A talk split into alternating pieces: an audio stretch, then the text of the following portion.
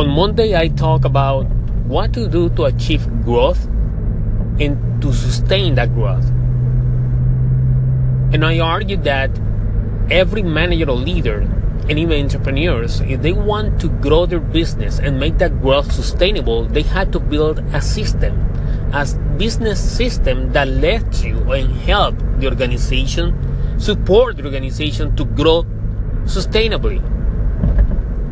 And I developed this topic more in my blog where I explain that there are different systems depending on the functions and process of the organization. But I mentioned something that is very important for any organization, for every business system, and that is the leadership system. Exactly. You need a leadership system that can maximize the potential not only from your employees or stakeholders, but the potential of the organization. But what is a leadership system? Leadership system refers to how leadership is exercised. Sometimes a formal or informal system through the organization. But let me tell you something a leadership system is the basis for the way leaders make decisions. How make decisions, how they communicate those decisions, and how those decisions are executed.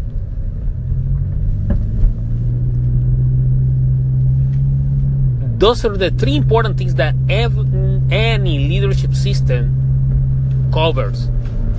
But there are more things about a leadership system. A leadership system refers to the values of the organization, what the ethical behavior, the direction, the performance expectations.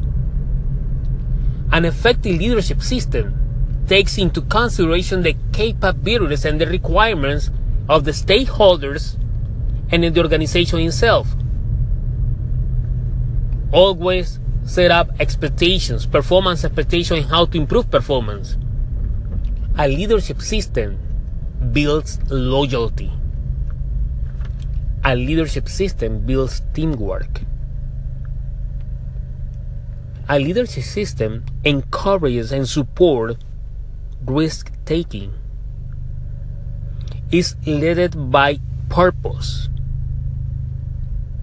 an effective leadership system includes all the mechanisms so people can evaluate leadership, they can receive feedback, and their leaders can make an awareness exercise of themselves. Those are the advantages of having a leadership system. Now, my question is do your organization, your organization, has a leadership system? doesn't it? It has or it doesn't. Because if your organization doesn't have a leadership system, you are not preparing yourself. You're not preparing your organization to face future competition in the long term. You are not building an organization to be sustainable in the long term. The market is changing every day.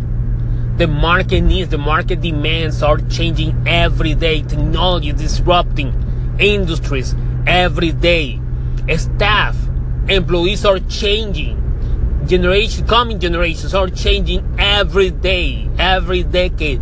Is your organization ready to face all those daily changes? Is your organization ready to face all those changes?